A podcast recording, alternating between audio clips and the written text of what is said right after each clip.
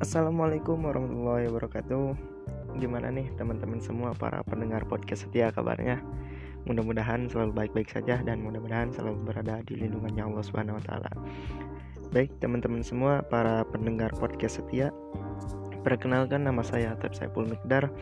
Asal saya dari kota Garut dan sekarang saya sedang menjalani kuliah di Sekolah Tinggi Ekonomi Islam SEBI.